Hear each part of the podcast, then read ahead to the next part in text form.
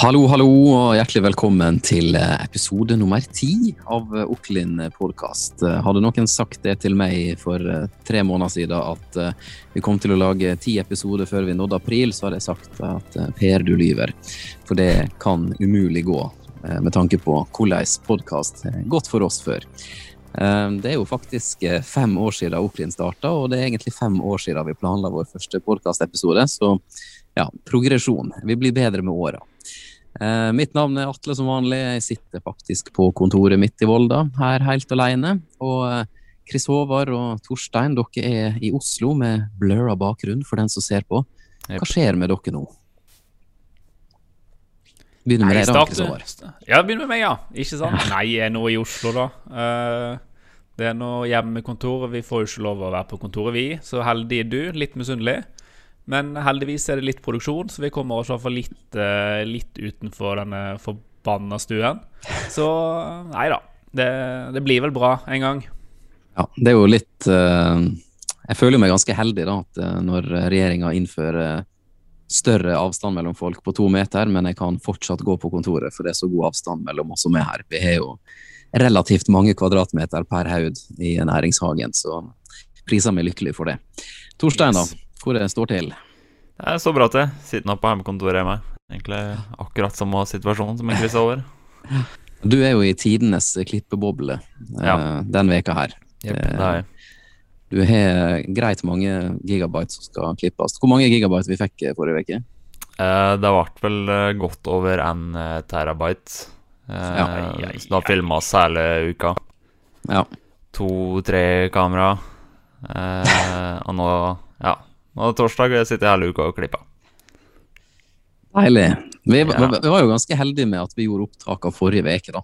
Ja, ja, herregud. Uh, og uh, vi var jo innom uh, Kvitfjell og Lillehammer, og det er jo ikke framsnakkspalte her enda, men jeg må jo få lov å si at de hotellene vi var innom de få timene vi, vi, vi sov på rommene der, smittevern, det kan hotell nå. I hvert fall sammenligna med det jeg opplevde i fjor i juni, var det vel. Jeg var på mm. et uh, hotell der uh, plasten flaut, og uh, folk tok på alt for å se hva på frokostbuffeen som var pakka inn i plast. Ja. Så hadde, da hadde smittevernet alt annet enn smitteverneffekt. Men nå kan jo si Scandic Victoria på Lillehammer meget bra. Mm. Er du, hvis du er enig, da, Torstein? Ja, jeg er enig. Eh, og Gudbrandsgard på Kvitfjell også. Det, det er klart det hjalp jo at det var ikke så mange der akkurat da, men eh, det var i hvert fall veldig behagelig å både sjekke inn og gå og legge seg og, og fare igjen. Nå åt ikke frokost på Gudbrandsgard, men eh, nei, det er litt kudos der, da. Det, det, det, det mye lettere for oss å fare litt rundt på produksjoner som krever at vi oppsøker andre lokasjoner. Ja, det, applaus til hotellnæringa der. Jeg ser jo i media at det, er litt, det er litt tøft igjen der nå, eh, etter de nye restriksjonene. Men da vil jeg bare skyte inn uh, Thon hotell Otta fortjener òg en stor ja. uh, klapp på skulderen. Jeg måtte ha en overnatting på vei hjem uh, til Volda et, Nei, til Oslo etter en produksjon i Ålesund forrige uke. Og innså at jeg trengte noen timer på puten for å komme meg helt hjem. Så jeg hadde sånn drop-in-besøk på hotellet, og det Smittevern og kundeservice Jeg bare Jeg la meg liksom et smil, for det var så bra. Mm. Så, og så var jeg litt sein å stå opp og måtte rekke tilbake til en produksjon i Oslo, så jeg rakk ikke frokost. Og hun liksom Men herregud, du må nå i hvert fall Du må i hvert fall ta med deg en kaffe. Du kan liksom ikke dra og ikke liksom Nei, det var, jeg var imponert. Og smittevern var Jeg liksom bestilte pizza opp på, på rommet for ikke å sitte i restauranten. Uh, og kom opp med liksom munnbind på og liksom et brett med mat. Nei, det var, det var toppstemning. Ja.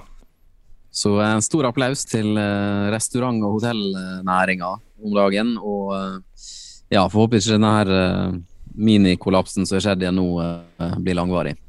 Vi håper dere holder ut litt til, for vi er veldig klare til å komme tilbake når vi får lov, holdt på å si. ja.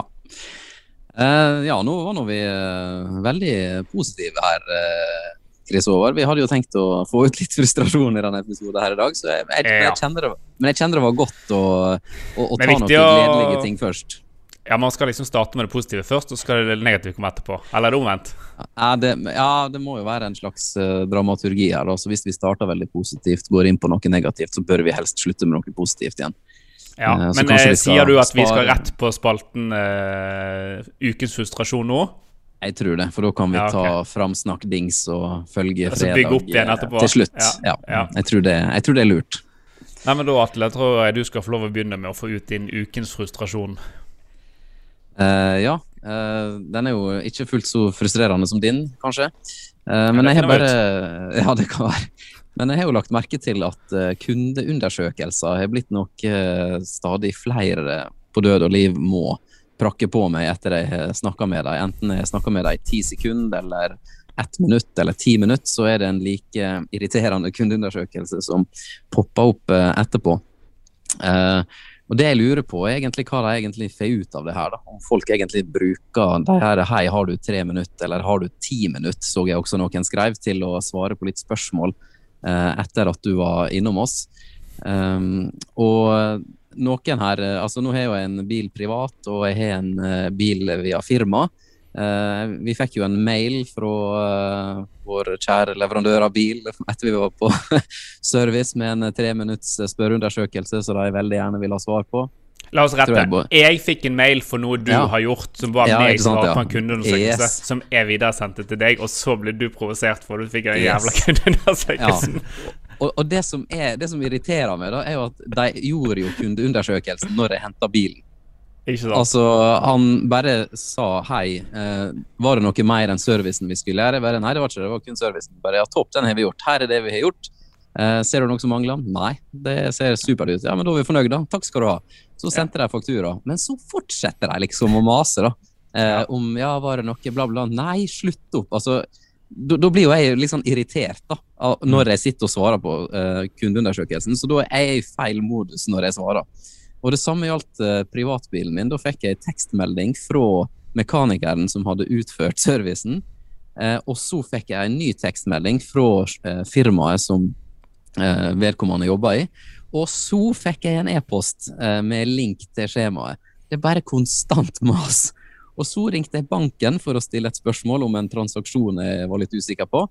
Det gikk ganske fort. Det var en veldig artig feil som hadde skjedd. og ja, det var veldig godt humør når vi la på, og vi lo begge to. og jeg bare, ja, Supert, det var ikke noe stort problem. Men så begynner det, sånn fem minutter etterpå, da, og jeg er på jobb, så begynner det å ringe et Oslo-nummer.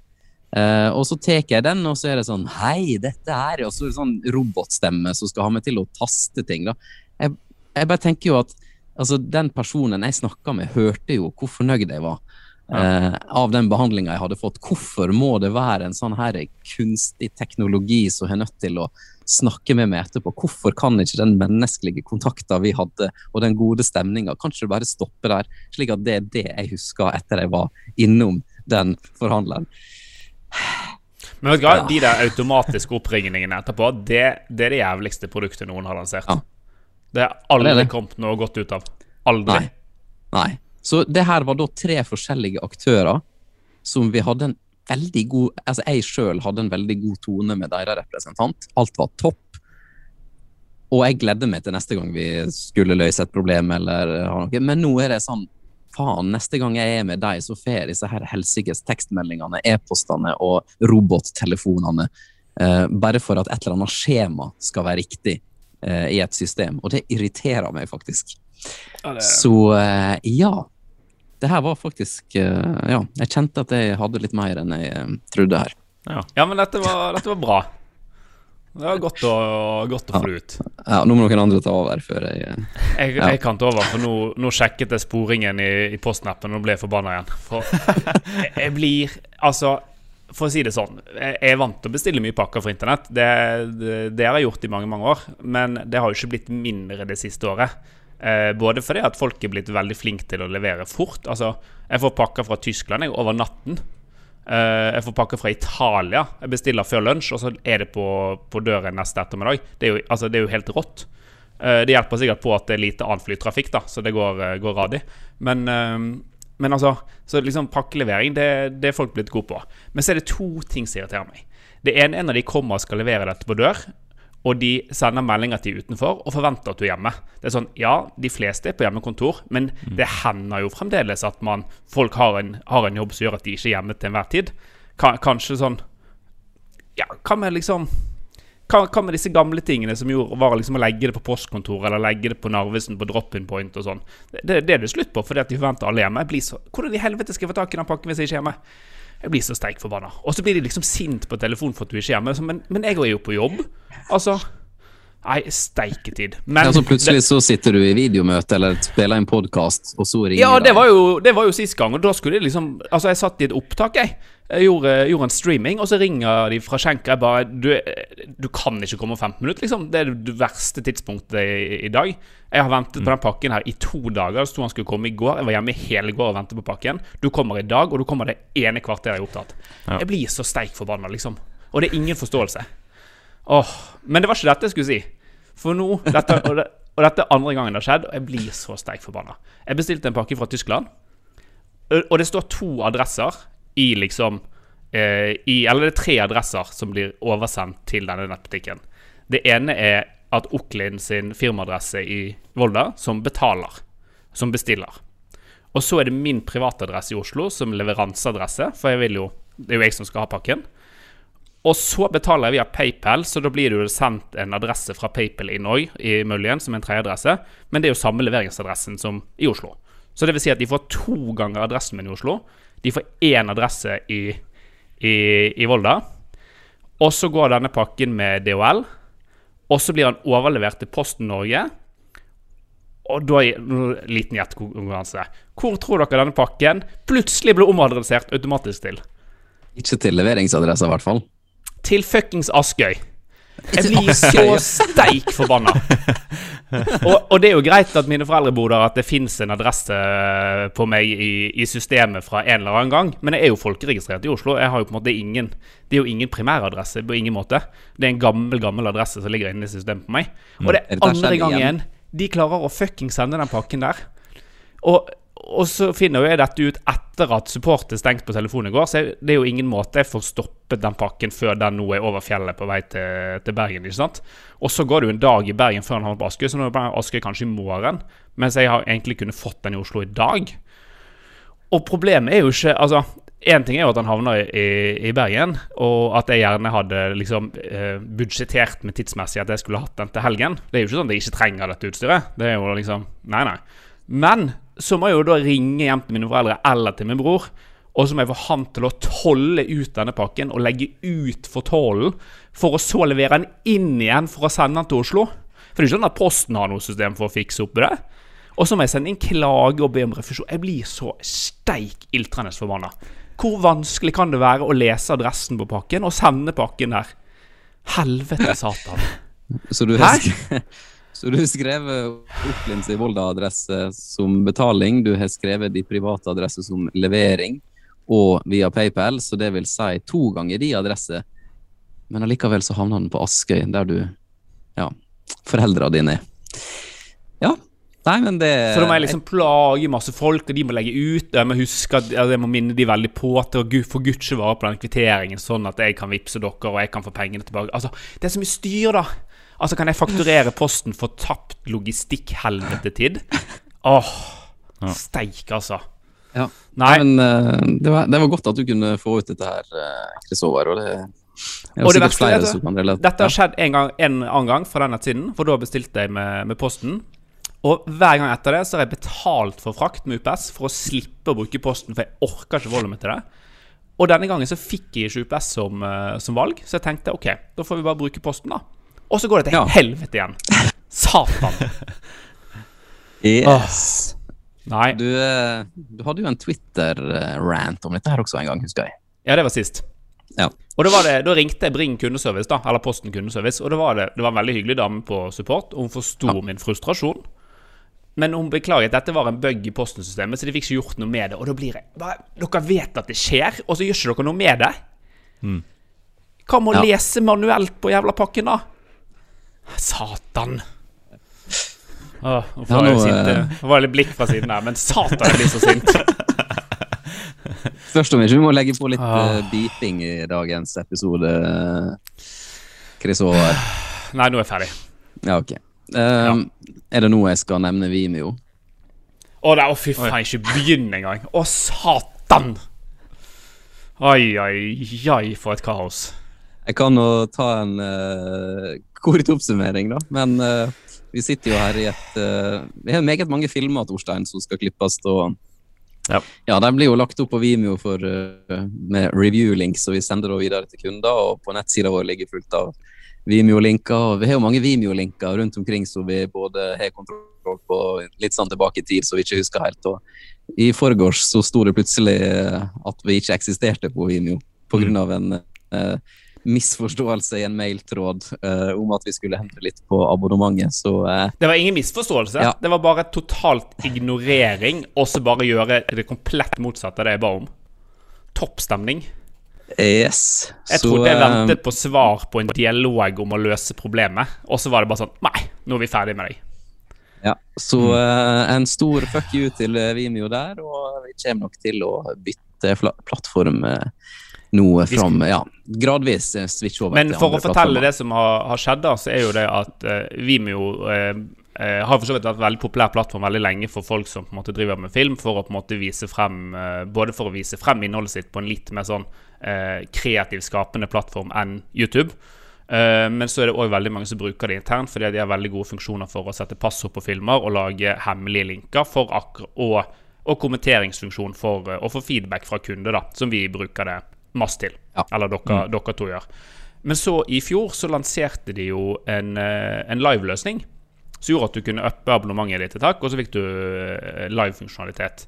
Og det som skilte de fra veldig mange andre, var at de hadde ubegrenset eh, livestream innenfor visse begrensninger. da Som at du kun fikk lov å kjøre to livestreamer samtidig, eh, og maks tolv timer per, per, sending. da Altså så men du kunne sende i tolv timer start og stoppe, og så har du tolv nye. Men maks tolv timer sammenhengende, da. Eh, og så kom det jo en pandemi, så de var jo for så vidt den billigste løsningen der ute for ubegrenset med mye god funksjonalitet. Men når de altså, går ut og sier ubegrenset, så har jo vi brukt det i, i god tro om at uh, vi får på ingen måte den største kunden eller største databrukeren deres, men vi har brukt det og betalt det de har sagt de skal for det. Uh, og så begynte jeg å se på nettet at det dukket opp mer og mer sånn at folk fikk mail fra Vimeo om at dere, må, dere har brukt for mye. Dere må opp på en sånn Enterprise-løsning, og da er det custom price og blir dyrt, da. Og så plutselig så fikk Novida mail òg, da. Så tenkte jeg sånn OK. Uh, for det Vimeo har sagt, er at de sender den mailen til den ene prosenten som bruker mest datatrafikk, da. Og datatrafikk vil jo da i dette tilfellet være at hver gang du trykker play på Vimeo-playeren som er tilknyttet til vår konto, så begynner du å laste videodata, og så går det datatrafikk, og det går på oss, da. Så de mente da at vi var den ene prosenten i verden som brukte mest. Og, og for det første så er det det klapp på skulderen, for det betyr jo at vi har hatt masse seere. Eh, men for det andre så er det sånn Vi er jo for så vidt en liten fisk, i hvert fall på verdensbasis. Eh, så er det sånn OK. Men de har jo en veldig rar markedsmodell hvis de hele tiden skal ta 1% Det vil jo alltid være 1% som bruker mest. Så hvis de hele tiden skal flytte den prosenten, så lager jo de Det er jo evig jobb, det. Mm. Men vi har jo ikke vi har, så sa jeg jo rett ut til at vi har ikke råd til å betale det dere skal ha for å gå opp et hakk, så da får dere nedgradere oss, da. Så får vi stoppe å bruke live-funksjonaliteten. For det er jo selvfølgeligvis den som trekker. Når vi hadde 13 000 seere oppe i Nidarosdomen i, i oktober, og kjørte eh, kokkesending ved EM-sending fra, fra, Tallinn en uke etterpå, så sier det seg sjøl at datatrafikken var peaket ganske bra den måneden. Mm. Uh, når den playeren blir embedded på norske nettaviser. Men vi hadde jo aldri levert den embed-koden hvis vi ikke hadde trodd at det var ubegrenset. Men så kommer de og endrer retningslinjer da, og kaller det for fair use av en eller annen grunn. Eller de endrer på det uten at det er definert hva fair use er. Uh, og så skal de stenge kontoen vår basert på ting vi har gjort, basert på at de nye vilkårene har tilbakevirkende kraft. Så vi har basert på de nye vilkårene så har vi brutt de, men de ble jo ikke brutt på det tidspunktet det skjedde. Så Og så på toppen av i denne prosessen da, så trakk de meg for et nytt år på Vimeo Premium, som da er 7500 kroner året. Det er jo litt penger. Men liksom i denne forhandlingsprosessen med at jeg sier men bare nedgrader oss, da, så stopper vi å bruke live, så sier de at nei, det går ikke. Og så trekker de oss penger. Og så sier de at eneste løsningen er å nedgradere dere til free. som betyr at dere får beholde 10% av videoene. Det er tilfeldig hva 10% av videoene det er, og så får dere en nedlastingslink til resten. Og alt stopper å virke, og så kan dere oppgradere manuelt, og så kan dere laste opp alt på nytt igjen. Jeg bare Herregud. Eh, virkelig? Er dette liksom det sånn dere tenker å beholde kunder? Altså Enten så skal dere jage de over på en dyr eh, prismodell, som for så vidt eh, kanskje er riktig for noen bedrifter, men ikke for oss. Eller så skal dere liksom jage oss vekk fra dere. Altså det er sånn enten-eller. Men så etter mye, ja. mye om og men, da Etter oss så sendte jeg jo en ganske sint mail liksom For jeg har liksom sendt et, et tilsvar og med, hatt en god dialog på løsninger. Og vært litt sånn oppgitt underveis for at Men i alle dager, virkelig, har ikke dere en løsning for dette?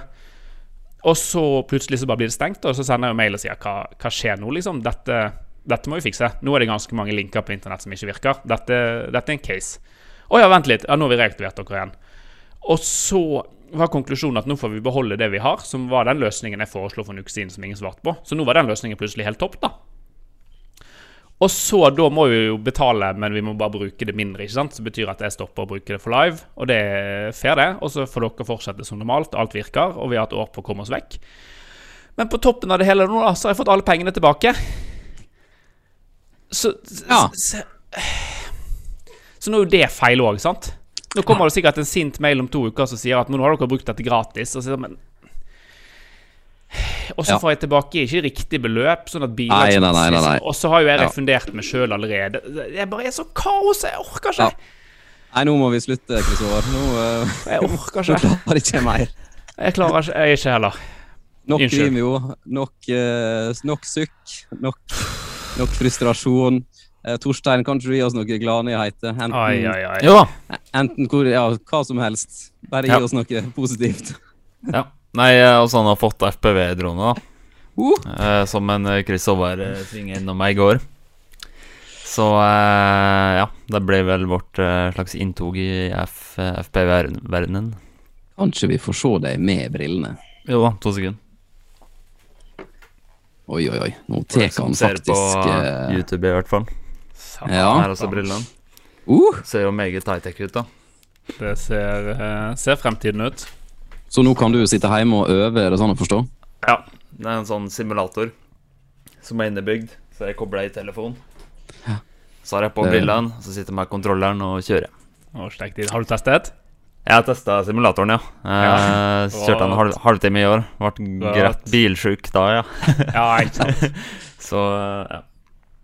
Fantastisk. Tror jeg må fly litt i den før jeg tør å begynne å lette inn. ikke sant. Ja. Første gang jeg kjøpte drone, så da var jeg jo student i, i, Volda, så var jeg jo litt redd for at han liksom skulle forsvinne vekk, da. Så min første tanke var jo at det var lurt å gjøre dette innendørs. Eh, og jeg eh, var jo godt involvert i studenthuset, så jeg hadde jo plutselig tilgang på et tomt scenelokale, da. Så jeg stilte opp denne dronen midt på gulvet, da. Og det GPS og autogreiene var jo ikke superbra inne i sånn betongblokk sånn som det der. Så det første er jo første gang jeg fløy drone, var å fyre den rett i sceneveggen. Men det Så ja. innendørs anbefales. Dronen kan i hvert fall ikke rømme. Nei. Ærlig. Dagens tips fra meg. Fly, fly drone innendørs. Nå er vi inne på et uh, positivt spor her, så jeg tenker da, Torstein, kan du egentlig fortsette med din følgeanbefaling? Ja, i ukas uh, følgefredag uh, så er det FPV-relatert, jeg òg. Det er en som heter uh. Johnny FPV på Instagram. Kommer sikkert link på bloggen. Uh, og der er det egentlig bare, bare FPV-klipp. men det er litt ganske ekstra imponerende klipp, da. Det er sikkert mange som har sett det bowlingklippet nå i det siste, og det er litt på det nivået der, da. Ja, Det er ikke han? Nei, jeg tror ikke det er han. Nei. Men ja. Kult. Jepp. Det er tydelig at uh, eh, FPV Altså, FPV nå er jo litt sånn som drone også var tidlig, at uh, ja. bruken er himla lik.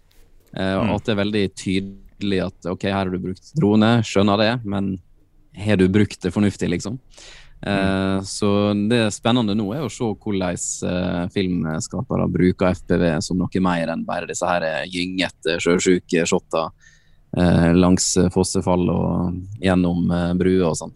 Eh, mm. Det er kult. og eh, det, altså, En ser jo at pilotene er steikedrevne, men det er liksom når en begynner å lage klipp der folk ikke nødvendigvis sitter og tenker 'oi, for et kult FPV-shot', men at en uh, rett og slett bare opplever noe jækla tøft. og så i ettertid ser en at oi, steik, de brukte FPV-drone på det. Eller kanskje ikke en trenger å tenke på det i det hele tatt. Mm. Det som er så kult nå, er at det som har vært med FPV-droner til nå, er at det har vært uh, lite på en måte ferdig hyllesystem på det. Det har vært, ja. du, du, må bygge det sjøl. Mm. Uh, og det har òg betydd at uh, kameraene som har vært brukt Altså alt handler om vekt og kvalitet. Altså Det skal være så lett som mulig, så lite som mulig for å få mest mulig ut av batteritiden. Og at det skal gå fortest mulig, har vært greien. Uh, og det har òg betydd at måte, stabilisering og kamera har på en måte vært ganske, ganske dårlig.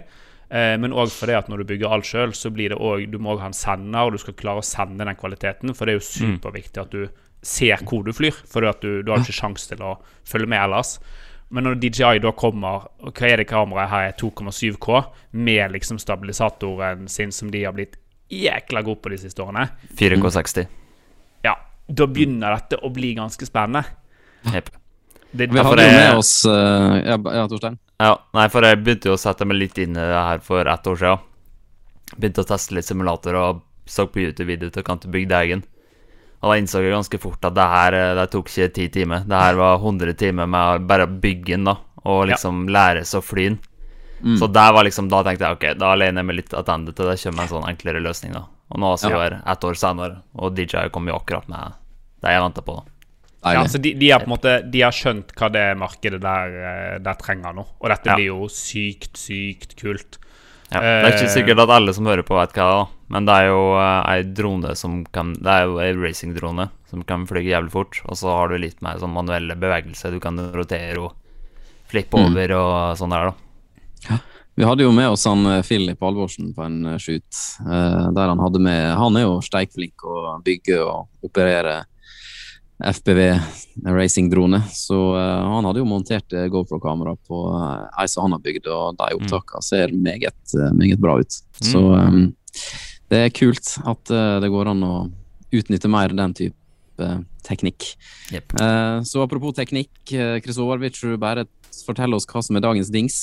Jeg har en dings. jeg satt jo i, i helgen og så tenkte jeg sånn Ja ja, hva hva skal ukens dings bli denne gangen, da? Og så satt jeg ute i bilen og, og skrudde og, og, jobbet litt, og så eh, gikk det bare opp et lys for meg. Herregud, her er jo Jeg har jo sett på ukens dings lenge. Jeg har bare glemt den. Det er så viktig del av livet mitt at den er blitt glemt. Det er jo nitrist. Men det er altså en Det er en 4G-ruter. Altså, nå er vi på nerdete nivå. Men eh, Og har, det finnes flere modeller av den. Oklin har eh, mange modeller av den, men denne her heter eh, Telto, Teltonica Rut 1X R, eh, som da er en rekkmonter-ruter. og fantastisk dings. altså, det som er hovedgreien, er jo at du har 4G-internett med deg. Uh, og du får det ut på kablet nett og, og det. Men det som er så, så, kult med den dingsen, er at du kan ha to SIM-kort i. Så hvis det ene feiler, så bare bytter han til det andre. Eller du kan bruke begge samtidig, og så uh, balanserer han trafikken mellom det. Uh, men sånn som for, for, meg, som er mye ute på opptak hos, hos folk, og på en måte vi er jo avhengig av internett uansett hva vi, hva vi gjør. Eh, så er det så deilig av og til bare komme og bare ikke tenke på det. For ofte så, jo større bedriften er, jo mer sikkerhet er det, og brannmurer, og du får ikke lov til å gjøre ditt, og du får ikke lov til å gjøre datt, og kabel i veggen bare, Det virker ikke. Du må, måte, du må via IT-delingen, og det tar 14 dager og litt sånn.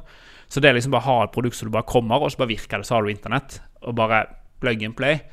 Um, og hvis du på en måte mot formodning skulle plugge i kabel, så bare overstyrer han, så bruker han den før han bruker 4G-dataen. da Eh, og så har vi òg en mindre versjon av denne selvfølgelig i, i krafteren. Eh, og du fikk eh, en, eh, en A-modell av meg og Atle som er i transporteren. Eh, og disse har vi òg brukt mye når vi har uh, hatt disse timelapse-riggene og sånn. da Men de nye modellene er bare helt rå. Og, og det som òg er, kult, er at man får åpnet uh, dette nivået igjen da Men du får åpnet opp porter, som betyr at du får tilgang til alt som er på det nettet fra, fra utsiden. da så det vil si at uh, vi uh, kan på en måte veldig enkelt Hvis vi har eksterne uh, digitale forelesere, så kan de på en måte sitte og fjernstyre presentasjonen sin da, via å, å slippe de inn på nettet på en enkel måte. Som er, som, er, helt rått. Så dagens dings er en 4G-ruter som alle burde ha liggende. Nice. Eilig. Er det en sånn jeg har i bilen? Det er en sånn du har i bilen. Nice. Da oh, yes. uh, byksa jeg til slutt på uh, dagens uh, framsnakk. Og da skal jeg faktisk nevne en tidligere medstudent fra Volda som heter Tore. dere Kanskje noen av dere som hører på, kjenner han mer som Steady-Tore. Eller han er i hvert fall berykta for sin Steadycam. men jeg når vi var studenter, så uh, Vi ble jo kjent i lag på rocken uh, hovedsakelig, da, uh, som tekniske. Du også, Chris Håvard. Men jeg husker veldig godt at, at han var veldig tidlig ute med å finne sin nisje. Mm. Og være liksom en nerd på sitt felt. Og liksom sette seg inn i og kunne veldig godt det han liksom hadde bestemt seg for at han skulle gjøre. da. Uh, og så hadde han, han hadde jo sine utfordringer uh, med å liksom eh, operere uh, altså som fotograf, skulle en tro. men nå, fra liksom tida på høgskolen, der kanskje ikke et skolesystem som vi hadde, var helt det riktige for han, da, men han fant liksom sin vei allikevel. Og nå har han blant annet Han var steadicam-operatør på Strandafjellet når han Kygo hadde konsert. Og han gjør mye gøy på VG-lista, eh, med eh, sånn wirecam og krane og alt mulig sånn gøy. og eh, Han var, var, veldig mye involvert i Burning-filmen. Eh, og Jeg lurer på om han var innom James Bond-filminnspilling og veldig masse sånne store ting. da. Eh, så jeg, eh, altså jeg får nesten frysninger når jeg liksom bare ser den veien fra når vi Blant annet når vi har vært på Rocken som studenter og drev og holdt på med produksjoner der, og han gjorde Steadicam. Eh, den gangen vi var i, Skagen. Eh, og han tok med seg full Steadicam-rigg. Og vi endte opp med å ikke produsere så mye som vi hadde sett for oss, fordi eh, ja, det var billig øl på Skagen. og, og vind og sandstrand det er ikke akkurat det beste for verken Steadicam eller kamera, så vi jeg har fremdeles en slider som er rammet av dansk ja. sand, ja. Så det bildet av at jeg og du og Tore skulle ta toget, og han måtte jobbe seg gjennom hele togvogna for å få plass til alt Steadicam-styret Det er et eh, fantastisk øyeblikk. Når vi skulle av toget, så samme runde, da plukke sammen alt. Det var jo stappfullt med folk. og prøve å komme seg ut av vogna før dørene lukkes, eh, men med alt utstyret. Men eh, oi, oi, oi. ja, så jeg Altså, jeg elsker sånn den type uh, reise, da, når en liksom har gått for noe tidlig, og så har en nådd målet. For jeg, jeg, altså, Sånn jeg ser det, så har en i hvert fall nådd målet sitt. og uh, ja, så jeg, Hvis du hører på uh, Tore, så vil nå gjerne jobbe enda mer i lag. Og den type produksjoner, sånn som for vår del, blir jo mer aktuelt når ting åpner opp igjen. Men jeg ser jo at du gjør jækla mye gøy, og det er jækla kult. Så det ble dagens framsnakk. Eh, det var en god framsnakk. Så jeg skal uh, linke til Instagrammen. Jeg er ikke helt sikker på hvor aktiv han er på Instagram. Innimellom er han der. altså Du kunne godt ha solgt mer, uh, Tore. Men uh, nei da, du har nok av, nok av ting å styre med, virker det. Så gleder meg til vi treffes igjen i, i, Oslo eller en annen plass. Så det var, det var avslutninga, tenker jeg, på dagens podkast-episode. Eh, det som har blitt nevnt, så er verdt å linke til, eh, det blir jo det i blogginnlegget. Eh, og så tror jeg kanskje tittelen på denne episoden her kan bli noe sånn Vi sprengte skalaen til Vimeo, eller Vi mm. er en av de mest streamede 1% i verden. Ja. Eller noe sånn her Ikke sant. Altså, du er rett knakk... klikkbeiten, du. Ja, vi, vi knakk Vimeo. Vi, vi knakk Vimeo. Ja. ja. Vi er Yes, så smør på noe der uh, når du lager thumbnail, uh, Torstein. Yep. Da uh, tar jeg min vanlige strofe, som jeg aldri husker helt ordrett. Men uansett hvor du er hen, hva dag det er, når på dagen og så videre du hørte dette her, så takk for at du hørte på. Og så podkastes vi igjen i framtida eller i fortida, hvis du går tilbake igjen og hører noe vi har laga før. Ha det godt. Ha det bra, og god påske. God påske. Ja, påske. Ja ja. Nei, men dette blir bra. Vi slutter der.